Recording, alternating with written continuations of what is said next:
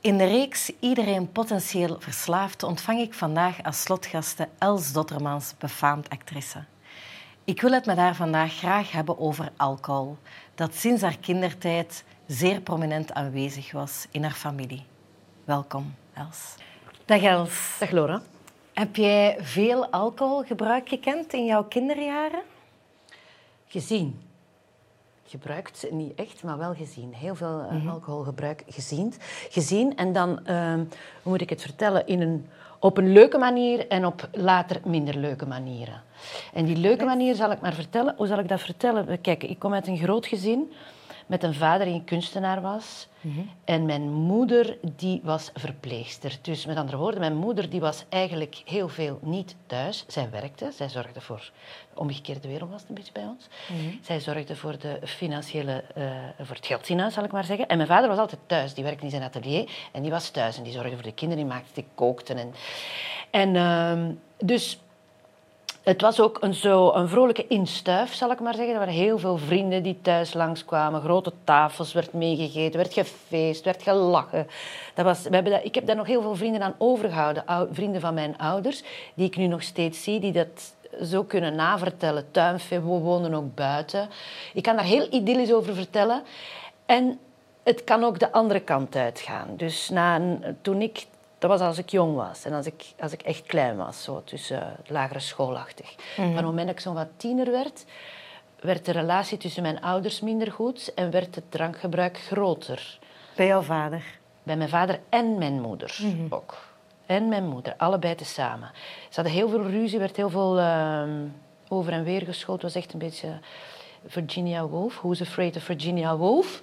Wat ik zelf nog gespeeld heb. Maar ik heb dat ook voor mijn ogen gezien, met andere woorden. Omdat mijn ouders die konden ook zo uh, ongelooflijk uh, eloquent ruzie maken. Mm Dat ik dacht, Jezus, wat gaat mijn moeder hierop antwoorden? En dan, dan zat ik daar al zo'n tenniswedstrijd naar te kijken. Zo. Maar er werd heel veel gedronken. En besefte je dat echt als kind? Dat begint je te beseffen als, je, als er dingen mislopen. Hè? Zoals? Zoals uh, s morgens niet uit hun bed geraken, want wij woonden nogal ver van school. Dus dan moest ik die wakker uh, krijgen om op tijd op school te geraken. En ik had een soort, uh, hoe moet ik dat zeggen, ik weet niet waarom, maar ik gedroeg mij als de oudste van de kinderen. En ik maakte iedereen wakker en ik wou, op, ik wou vooral op tijd op school zijn. En ik smeerde de boterhammen en ik, enfin, ik deed heel veel taken in huis die ik eigenlijk niet zou moeten doen of gedaan mhm. hebben.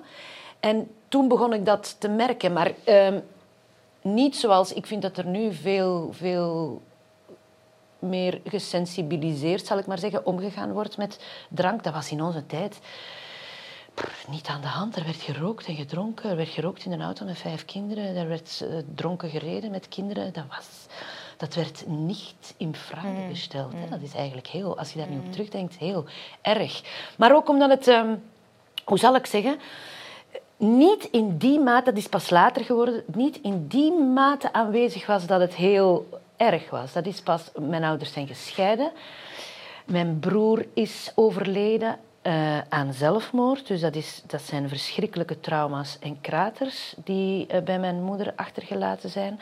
En daar, daar is, daar, vanaf dat moment is het, is het drankgebruik zeer problematisch geworden. Heel destructief. En ik, en ik heb ook een heel groot verschil kunnen merken tussen uh, uh, mannelijke drinkers en vrouwelijke drinkers. Mannelijke drinkers zijn veel socialer, hebben een veel groter vangnet, wordt veel meer getolereerd. En vrouwen drinken daaruit, daarom denk ik, ook meer geïsoleerder, alleener, stiekemer, mm wat veel gevaarlijker is. Mm Er wordt niet naar u gekeken, dat is veel mm gevaarlijker. Geen controle. Ja, ja, ja.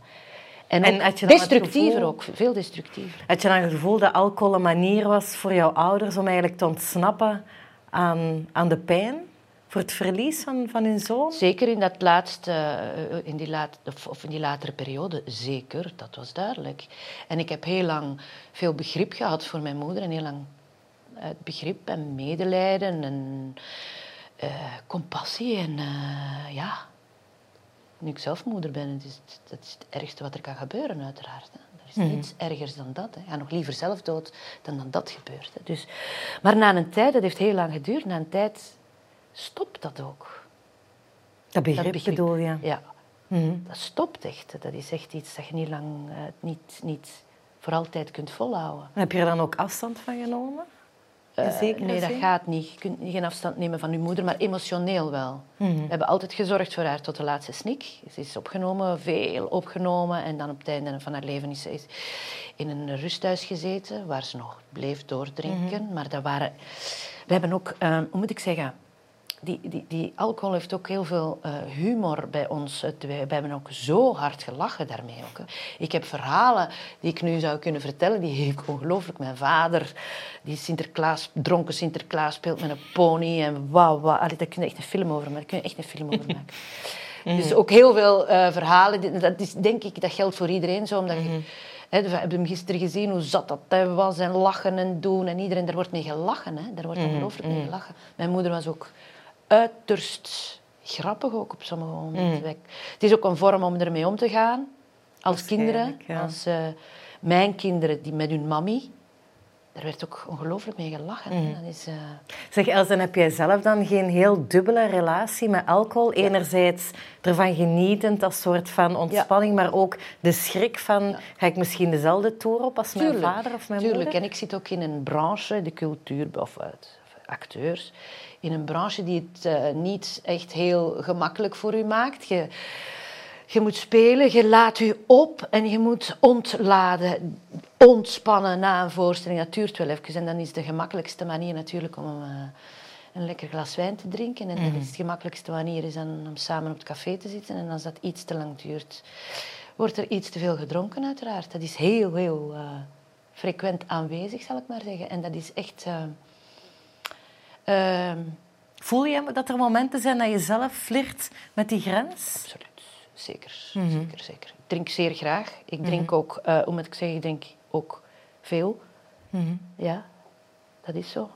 En uh, ik, wat moet ik daarmee... Hoe, hoe, ik, ik, ik wil niet uh, het woord gebruiken, ik maak mezelf wijs, want dat is niet zo. Ik weet, door wat ik gezien heb, zeer goed wat, een, wat voor mij, zal ik zeggen, niet volgens de, uh, uh, de meen, wat, er wordt gezegd, zoveel eenheden en dat en dat en dat, mm -hmm. vind ik... Dat moet, dat moet bestaan, maar daar, dat, dat, dat, dat vind ik onzin om je daaraan te houden. zelf, ik. Mm -hmm, mm -hmm. Uh, je moet een, een soort van visie in, voor jezelf in doog houden. En alcoholisme is voor mij, wat ik gezien heb, is voor mij drinken om niet meer te voelen en niet meer aanwezig te zijn. Exact. Dat is voor mij mm. alcoholisme. Om te vluchten eigenlijk. Om te vluchten, om weg te gaan. En ik heb, voor mij is dat tegendeel. Voor mij is dat om erbij te horen. Voor mij is dat om, om, om te ontspannen. Voor mij is dat om een verhaal groter te maken. Voor mij is dat om te lachen. Voor mij is dat om... En als dat dan te veel wordt, dan ben ik weg. Dan ga ik slapen. Mm. Of dan uh, dat. Het is niet voor jou een manier om nee. van pijn weg te Nee, lopen. want ik, ja. dan, voor mij is dat dan... Als ik me niet goed voel, dan zal ik hetzelfde doen. Mm. Want dan ben ik daar bang voor. Dan ben ik bang voor wat eruit zal komen. Omwille van jouw ouders ja, dan? Ja, mm. ja. Voor mij is het echt een, uh, een plezier. Maar soms te veel, soms te frequent, soms te... Maar dat is voor mij... Dat is zeker. En plus het feit dat ik ook nog steeds een, uh, het, vang, het, het vangnet heb vangnet heb rond mij. Ik heb een structuur, ik heb een familie, ik heb iets waar ik voor moet werken, ik heb iets waarvoor ik geconcentreerd moet blijven, ik heb iets waarvoor ik... Dat blijft, dat is, dat is uh, heel sterk aanwezig bij mij. Dus dat is een soort van controle ook. Denk je dat dat niet dan een belangrijke rol speelt in het kunnen soort van ja, uh, binnen de grenzen houden van, van de alcoholgebruik? Absoluut. Dat is absoluut. Dus, dus zeker, ik heb dat mogen merken met coronatijd. Mm -hmm. En dan is het iets waar je moet... Uh, dan, dan, dan begint het rekenen wel. Was dat een moeilijke periode op dat vlak? Uh, nee. Ik ben ook eens ehm, vier maanden gestopt. En ik vond dat eigenlijk niet zo moeilijk. De mm -hmm. eerste week is dat moeilijk. Mm -hmm. Je denkt echt dat je iets mist. Je denkt, maar dan is dat eigenlijk zeer gemakkelijk, want dan moet je er niet meer aan denken. Mm. Dan moet je niet denken, ah, pff, we gaan vanavond feesten, dus moet morgen toch niet te veel plannen. Dan moet dat al allemaal, dan is dat, gebeurt dat niet. Mm. Het maakt het leven eigenlijk wel een stuk eenvoudiger, mm. vind ik. Maar... Uh, is er zo'n periode in je leven geweest dat je dacht van... Nu ben ik nu ben ik in de gevarenzone aan het komen. En Als dat met wat dat achter- te, te Nee, maken, dat heeft, niks, of- dat heeft nee? voor mij niks, niks zeg het, dat heeft voor mij te alleen te maken met de frequentie. Mhm. Te veel achter elkaar. En dan zeg ik sowieso, oh, nu is het even niks. hè. Dus zegt, het is al een hele week. Het zijn te veel feestjes geweest. Het zijn- Mhm. Er zijn te veel feestjes geweest. Nu moeten we even, even dimmen. Mhm. Maar eh, dat is... mm, Ik denk dat een, als je daar een expert op zet, dat die daar anders over zou denken. Bedoel je? Ik bedoel, eh, ja, wat er nu gezegd wordt, de eenheden en dat soort dingen. Ik, eh, ik, ik, nou, ik drink wel te veel, denk ik. En wat, wat bedoel je dan met te veel? Te veel, dat is als het meer dan drie glazen op een avond. Mhm. Als, we, als we weg, of als het feest is, of, of, of bedoel, als je uitgaat. Of, Mhm, mhm. en dan, Maar je hebt wel het gevoel dat je elke keer nog een keuze hebt om te stoppen na drie glazen? mm, dat kan erover gaan. Mhm. Ik niet meer dat het eh, vrij spel is, ja. Mhm. ja. Ja, dat kan er wel over. En ik kan me inbeelden als je uit een familie komt waar dat er veel alcohol, ja, misbruik ook was, ehm, dat je daar misschien ook met je kinderen ehm, Ja, in gesprek over gaat. Absoluut. Daar ben, daar, en mijn kinderen hebben het van geen vreemde. Want ik denk dat dat... Ik heb dat thuis ook gezien, hoeveel plezier dat dat ook bracht. Hè? Hoeveel, hoe leuk dat het soms was. Het was soms echt... Er waren mijn vriendinnen, als die bij ons thuis kwamen, dan zeiden ze... Oh, wat leuk, hè. hoe leuk is dat hier? Dus dat heb je ook gezien en meegemaakt. En dat is bij ons thuis ook. Er zijn ook veel feesten, veel etentjes. Veel onze kinderen zien dat ook. En zij doen, ik zie hen dat ook doen. Sam, mijn oudste zoon, die kookt. Ik zie hem koken. Ik zie hem koken voor andere mensen. Ik zie hem wijn kennen. Ik zie hem geven. Ik zie hem... L'histoire se répète. En ik blijf vertellen wat ik nu aan jou vertel, vertel ik ook aan hen. Dat ze, ik zie ook bij de, bij, de, bij de jeugd nu dat er veel ehm, beloond wordt met drank. Er wordt veel beloond. Een examen gehaald, feest, dat gehaald, feest. Dat, alles is, wordt beloond met drank. erbij, hè? Ja, Mhm. dat is wel anders. En ze, ze drinken anders. Ze drinken veel meer sterke drank en zo. En dat vind ik wel een ander paar mouwen. Dat doe ik nooit. Mhm.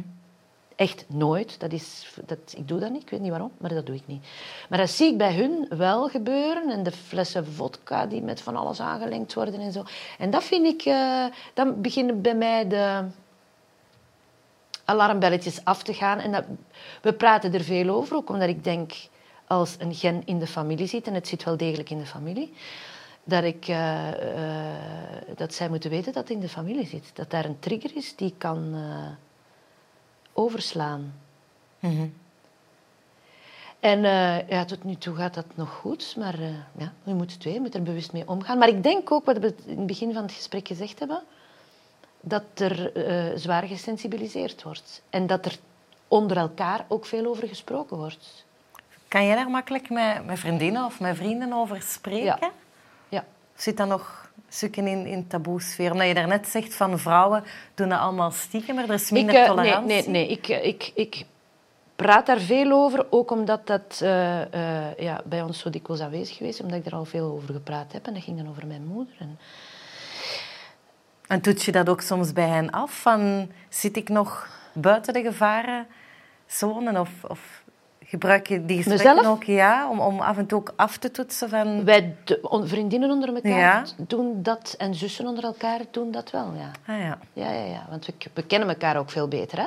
Mhm, We kennen elkaar ook veel beter, hè. Dus je kunt dat wel zeggen, mhm. vind ik. En ik vind dat... eh, dat is moeilijk, maar we doen het.